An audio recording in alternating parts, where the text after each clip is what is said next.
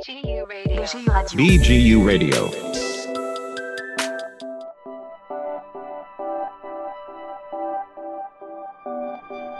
This podcast is a production of Ben Gurion University's Global Health Summer Course, hosted by Professor Nadav Davidovich and Dr. Anat Rosenthal.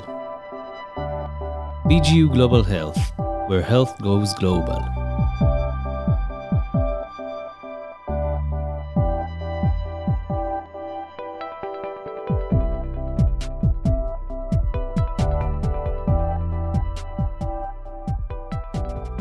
Hello. So we are today in the another podcast for our course on uh, global health, uh, and today we are going to speak with uh, Professor Moran Gilad.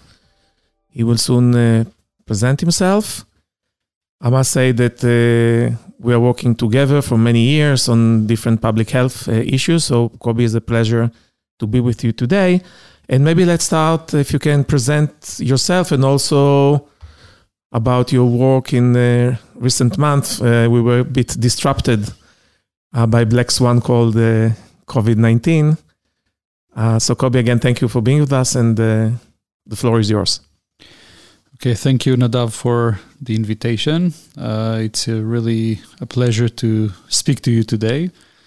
And yes, I, I, will start with a brief self introduction. So, I'm I'm a physician uh, I specialized in clinical microbiology and infectious diseases, and uh, I'm uh, currently uh, a professor at the uh, Department of Health Systems Management at the Faculty of Health Sciences, School of Public Health uh, at BGU, and also practicing as a physician in, in clinical microbiology.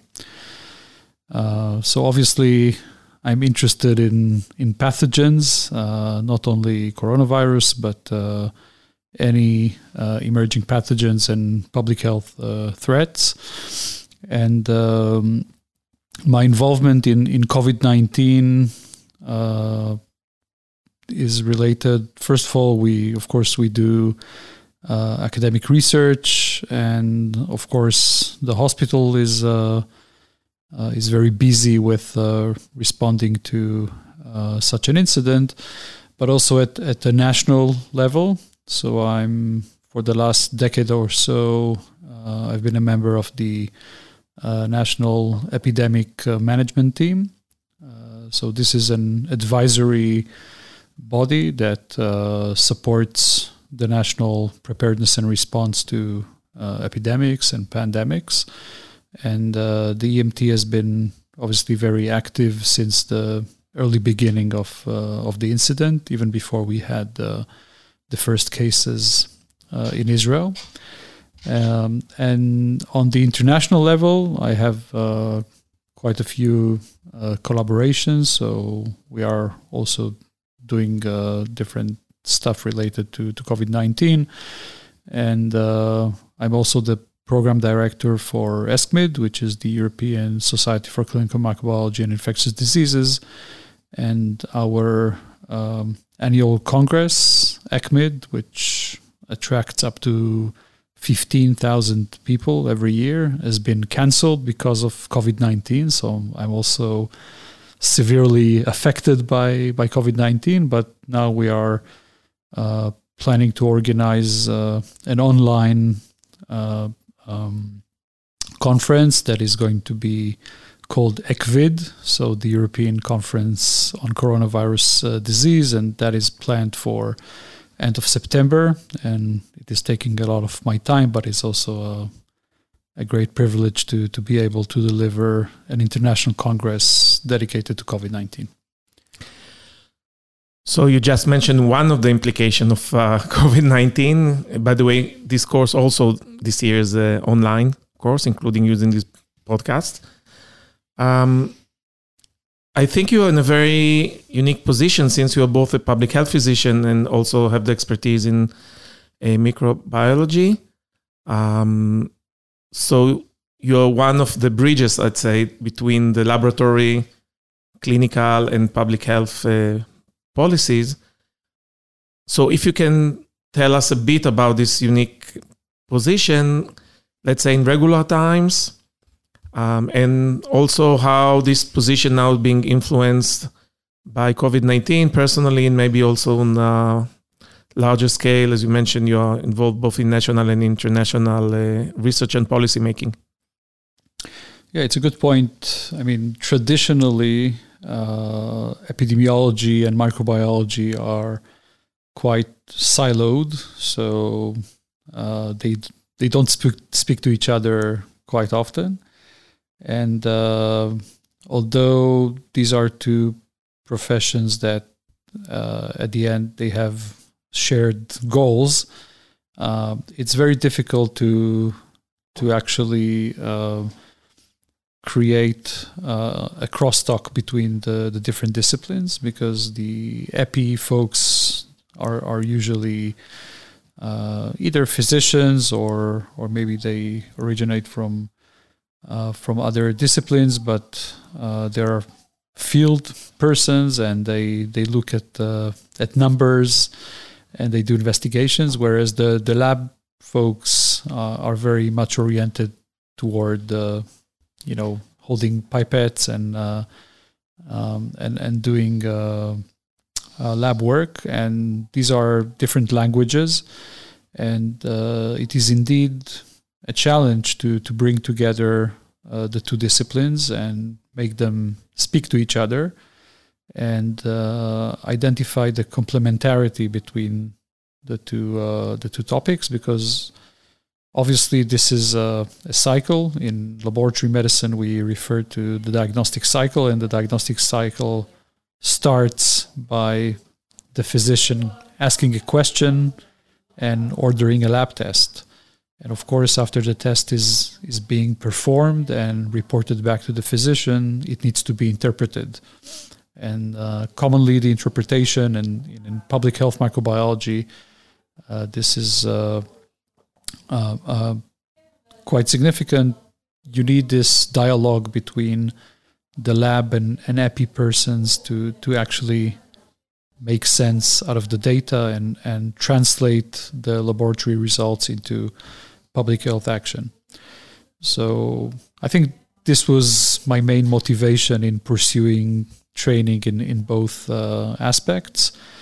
Um, I'm I'm always proud to say that I'm the only physician in the Middle East uh, who has done both uh, specialties, but actually also uh, on a global scale, it's not very common to see people who who trained uh, in both. And personally, I I would like to see more and more people uh, do that because I think it's uh, very important to have this dialogue between between the professions. I think maybe in an outbreak, and this is also based on my experience as a physician epidemiologist. Um, doing field epidemiology is one of the places that actually you can see more collaboration. Um, and you spoke about the people in the laboratories. So in these cases, when you have an epidemiological team, you see also laboratory people going outside to the to the field. Um, this has, of course, professional implication, but maybe also technological implication because then you need to develop on-site tests. And I think that during COVID nineteen, this was also a very important aspect. We remember that both in Israel and other countries, the question of testing uh, became very uh, lengthy discussion. And it seemed to me that many times people involved in this dialogue maybe we're speaking different languages and th- there was kind of miscommunication. So it's even saying how, how some people like you are even more important, kind of translating between. Uh, so I wonder how, how you see this whole thing that was evolving in the COVID 19 outbreak. Okay, so I think COVID 19 brought some very uh, interesting developments when, when it comes to uh, public health microbiology and how it integrates in pandemic preparedness and response. I would say it's nothing new because uh, you know we had pandemics before, we had outbreaks before. Um, microbiology and virology did not start just yesterday, but I think uh, there are some features of the pandemic which uh, emphasized uh, some of the uh, gaps and challenges in, in that respect. Um, first of all, is uh, is the need for rapid development of, of diagnostics. Um, so, on one hand, we can say that what happened in COVID 19 was unprecedented uh, with respect to the number of different assays that have been developed and, and approved over a very short period of time. And this is, of course, uh, very encouraging because uh, testing capacity was uh, urgently needed.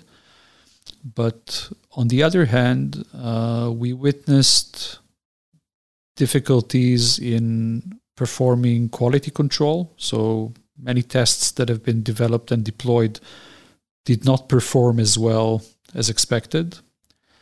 Um, we ended up in the situation, again, on a global scale, but sometimes also on a, on a national scale, that different tests are being used. And uh, this creates a problem of harmonization of results because the same individual could be tested twice in two different labs and get different results. And of course, when we try to create uh, a national, regional, and global snapshot of how many cases are there, what is the dynamic of the outbreak, uh, calculate uh, the uh, reproduction number, and so forth, we need data. And if our data are based on uh, lab results which are non-congruent or disharmonized, then then we have uh, a big issue. And one thing that uh, I, think emerges from this outbreak is that we need to have uh, an agreed global approach on, on how to develop tests for pandemics, not on the technical side, because we have many good scientists uh, and also the industry, they can do that very well. Uh, but how this needs to be organized. Um, and it is possible that some regulatory bodies uh, or or international uh, governmental organizations uh, need to to take care of that.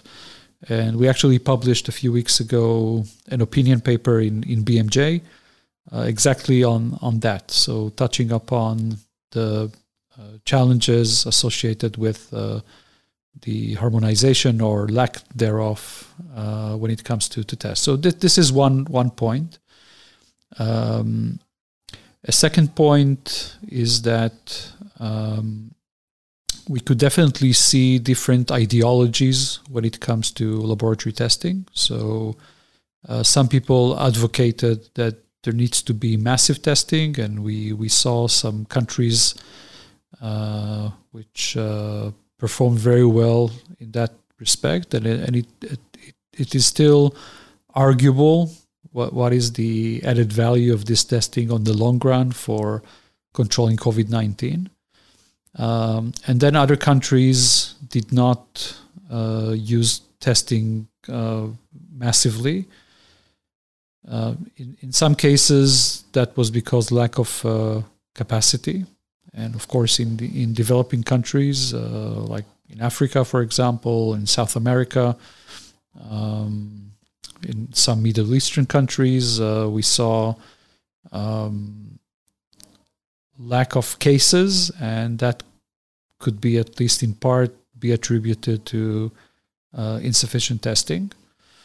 Uh, but in some countries, there was a reluctance to, to actually deploy uh, massive testing. But I think in most of them, at the end, they understood that they need to uh, to test massively. I think even the US was uh, a bit behind uh, when it comes to um, massively deploying uh, testing.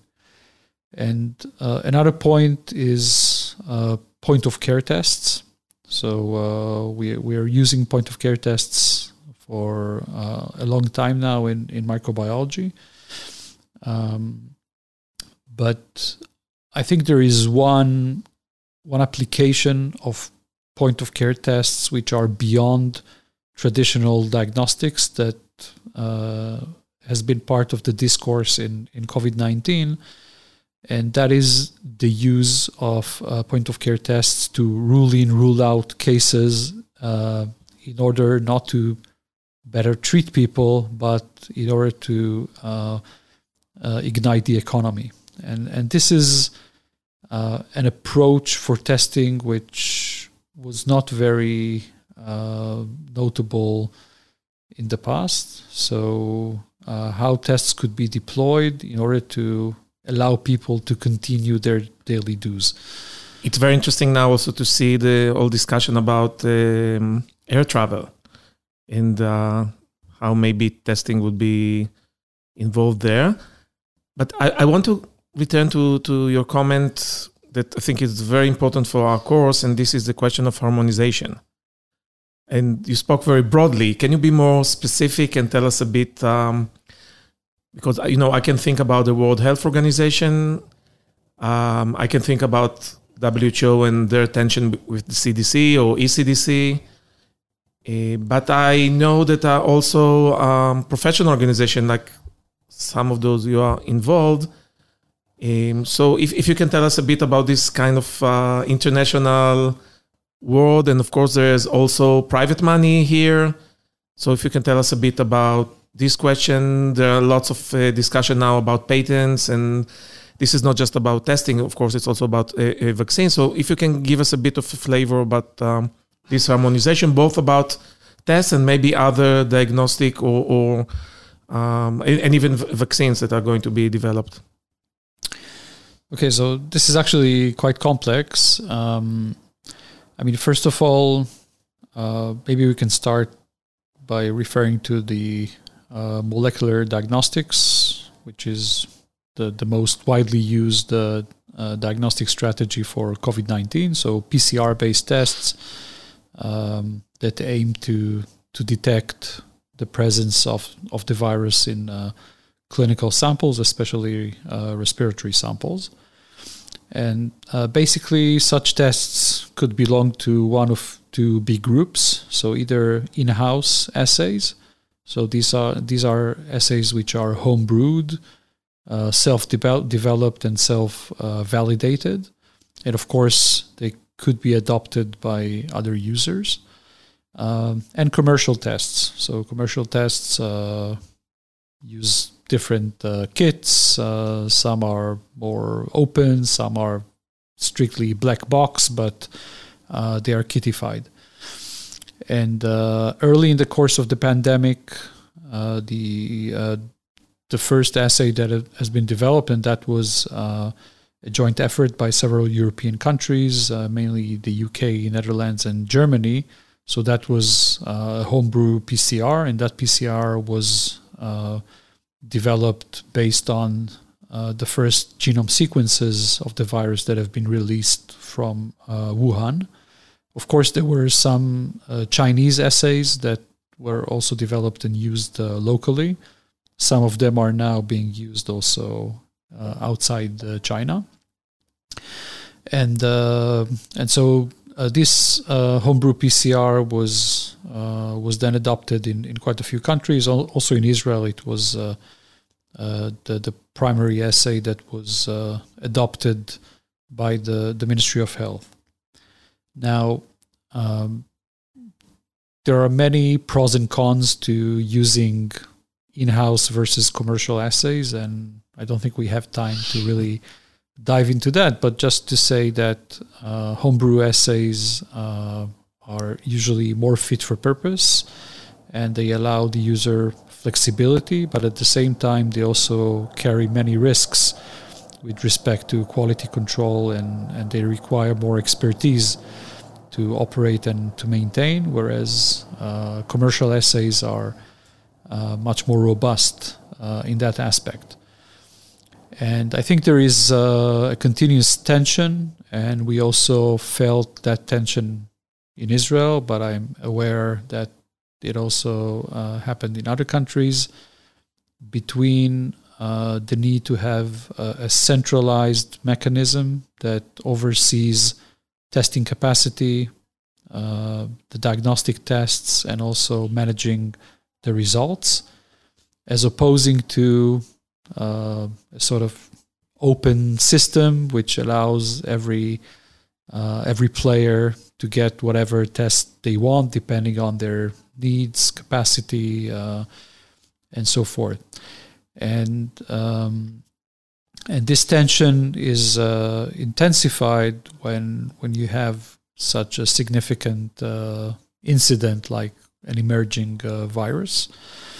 And um, uh, I think that what we saw in, in in COVID is that in many countries, government was trying to uh, hold things until a certain point where it became really impossible to uh, to keep everything uh, uh working under uh, government, and then things were gradually decentralized.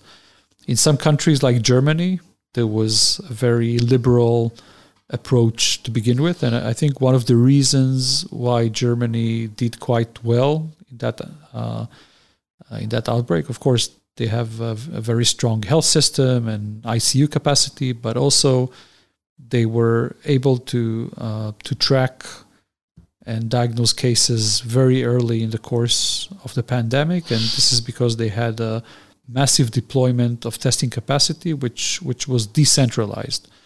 So I think that model could uh, could work. In Israel, we ended up also having a, a somewhat decentralized uh, system, and uh, I think this uh, decentralization is also responsible for uh, the the challenges of harmonizing, and in order to uh, maintain the harmonization, at least at the local level, so government could uh, introduce some uh, regulatory aspects and maybe approve specific assays, but that requires uh, capacity from the side of government. So to do uh, rapid evaluations for commercial tests, it's not such a, such an easy uh, task, and uh, also it requires a central reference mechanisms which uh, either on on a, on a random basis or based on referral is uh, performing ongoing confirmatory testing to uh, uh actually uh, maintain a, a, somewhat harmonized uh, system, and and and such a setup or a framework is quite difficult to initiate during the course of an outbreak. So you need to have uh, such a system in place beforehand in order for it to perform uh, well. So I think this is one aspect of uh, harmonization, but of course I can speak to this uh, in, in much, much, much more. Yeah. Great. Um, I want in the last part of our conversation to to discuss um, maybe the broader implication for the scientific community. Uh, we had already some both personal discussion and some webinars that we participated, and um, um, it's quite clear that we are facing now a, a huge amount of papers that are being uh, there outside in pre-publication forms, journalists that are being exposed, you know, to marvelous cures and and you know new vaccine etc and then after one week you see that uh, you know this whole thing was uh, uh, actually not exactly peer reviewed etc so i wonder what what is your take about about this whole uh, process? Yeah i think i think you're right. Uh, and as part of the covid infodemic we also have uh, significant implications also to academic research and, and scientific communication and and this really impacts every aspect of uh, of scientific uh, communication and dissemination that that we know. So um, if we're looking at uh, scientific publications, definitely there is an explosion of scientific papers. Um, notably, uh, many journals now uh, accept papers which are quite premature and you know, in, in other circumstances, such papers would have never been uh, accepted for publication.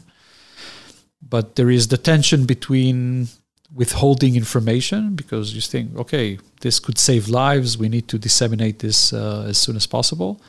But on the other hand, if it's uh, not not a very uh, robust uh, scientific study, then it could actually be harmful. And I think the hydroxychloroquine um, is, is, a good example for for this uh, issue. And um, most uh, journals, even the, the most prestigious one, uh, are are keeping all all the COVID nineteen papers open access, which of course uh, supports dissemination, and this is a good thing. I mean uh, that uh, even journals that that have been traditionally quite reluctant to to allow um, open access, they now they now do it. And of course, we have the preprints. So preprints is, is nothing new. Uh, uh, bioRxiv, medRxiv, uh, these, these have been going on for for quite some time. Um, but it, it now it became really uh, almost a default for for people uh, on on how to communicate preliminary results. And uh, I think one of the problems is that uh, many colleagues, uh, not to mention the lay public and also news reporters, uh, sometimes they fail to understand the difference be- between a peer reviewed uh, journal, be it printed or online, and, and, and a repository for preprints. And uh, too often those preprints are communicated as, you know, as, as facts and it's very difficult to to go back. And um, uh, at, at at some instances, it it it even uh, generates uh, scientific discuss discussions and what I call the crowdsourced peer review. So you have this preprint uh, going in by archives, and then the authors they they also tweet about it, and then in Twitter, you know, it becomes uh, viral. But then scientists start questioning and say, well, this is not peer review, so let's peer review that. And then you have dozens of scientists actually reviewing this paper and posting um, different reservations. And, and in some severe cases, it ended up with those preprints being retracted. So it's a, it's a very disorganized way of communicating things, which again is very typical of an outbreak situation. And there are pros and cons for. But maybe much more open and public than the usual typical peer review process that we know has also its own uh, problems. Uh, yeah, of course. I mean, uh, we, we need to get used to that. Uh, and, and, I mean, on a personal note, I'm I'm one of the editors of uh, Eurosurveillance, which is a, a well-known journal in the in the field of epidemiology, published by the European Union, by, by ECDC. And uh, Eurosurveillance has, for many years, uh, a publication track which is called Rapid Communication. And as an editor, when I'm handling rapid comms, these are usually papers that concern an ongoing outbreak and something that we need to communicate very quickly to the scientific community, so for other countries to be uh, to be ready. And uh, when we receive uh, rapid communications, we handle those, including peer review, within 48 hours. So, as an editor, this is quite onerous, but I'm, I'm mentioning that to say that we had and we still have proper ways of doing uh, a very robust peer review uh, in an expedited manner. And I think what happens in COVID is that things occasionally they they're not controlled enough, and uh, I think we can improve that. Um, also, we we mentioned uh, scientific conferences. I think one uh, one very striking um, example is that on one hand, many uh, congresses that have been like the, the leading ones in the respective fields have, have been cancelled because of COVID 19. and uh, you end up having uh, a wide array of uh, online congresses, webinars, whatever. And you know, with Zoom and the likes of, everyone can organize a conference. So you don't need to be part of a, uh, of an elite group of scientists to be invited to talk. So everyone can talk, and everyone can get invited to a seminar.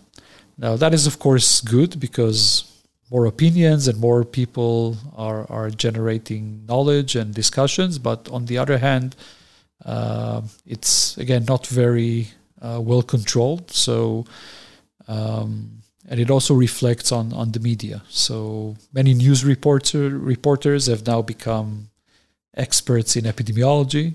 So I think uh, for me, and this is a question that I'm asking every day during COVID, is uh, what makes one an expert in coronavirus? And I, I'm still not sure about the answer. Wow, thank you so much, Kobi. Uh, I think one of the key messages that I'm taking here is uh, thinking about continuities and discontinuities uh, before COVID 19 and after, because as you started, uh, as we started our talk today, uh, there were many things that were going on before. Uh, I just need to say, for example, you are dealing and we are working together, for example, on the antimicrobial resistance, um, this whole tension between the laboratory people and the epidemiologists that we started our discussion, the whole question of um, on site testing, harmonization, and, and the peer review process, uh, of course, were things that were discussed before, but it seems now that, um, like in many other issues, such as uh, uh, doing reform in the medical system, home care, etc., things discussed before, social disparities, so, social disparities, uh, it would be very interesting to see, I think, only in retrospect, maybe several years from now, what is actually going to be the long impact of uh, this pandemic. I'm sure there are going to be uh, lots of uh, impacts, but it's we're still in the middle of it, and it's uh, interesting to continue and reflect it. So thank you so much, Kobi. It was fascinating, and uh, I'm sure we'll continue our discussion. Okay, thank you, BGU Radio. BGU Radio.